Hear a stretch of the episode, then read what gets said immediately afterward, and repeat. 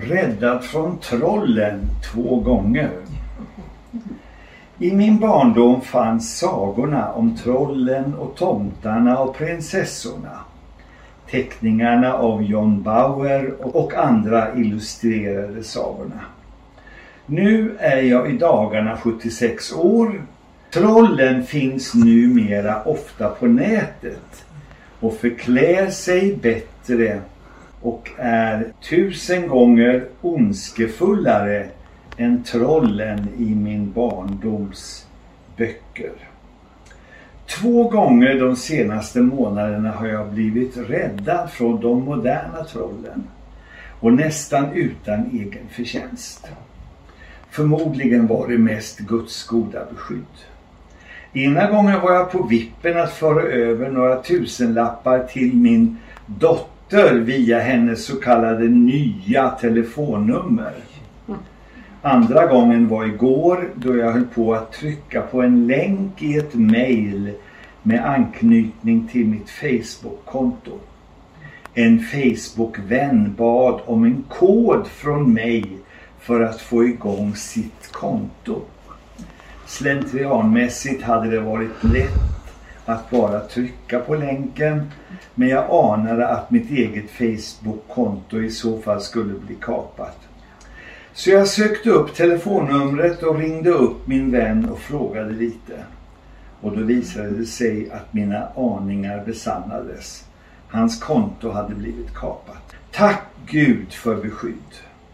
Vi behöver allt som oftast be med orden i Fader vår, fräls oss från ondo.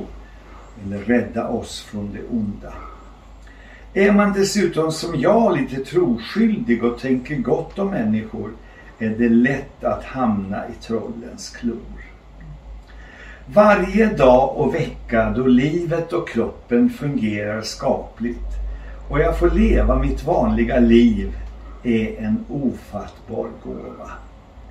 När som helst kan hela tillvaron förändras. Som för hela det ukrainska folket för precis ett år sedan. Det var då som ett av nutidens farligaste troll kände sig tvingad att försvara de stackars ryssarna i Ukraina genom att skicka bomber och raketer och hundratusentals soldater in i Ukraina.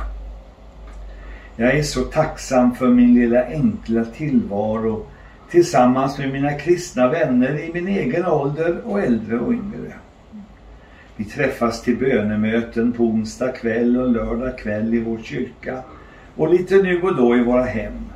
Och vi sjunger de gamla och nya Jesussångerna.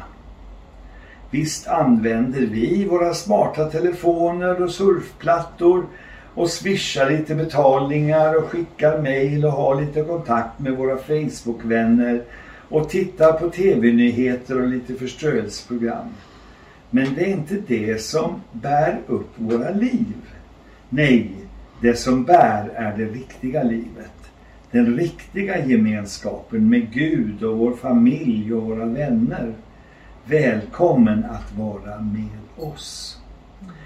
Ett bra tillfälle är söndagen den 12 mars klockan 16 i Pingstkyrkan i Norrköping.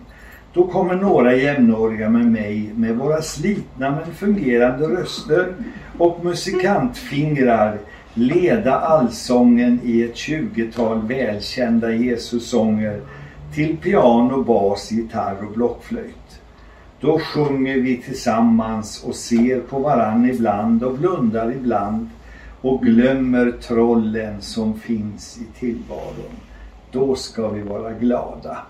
Hälsningar från Ingvar Holmberg i Norrköping 25 februari 2023.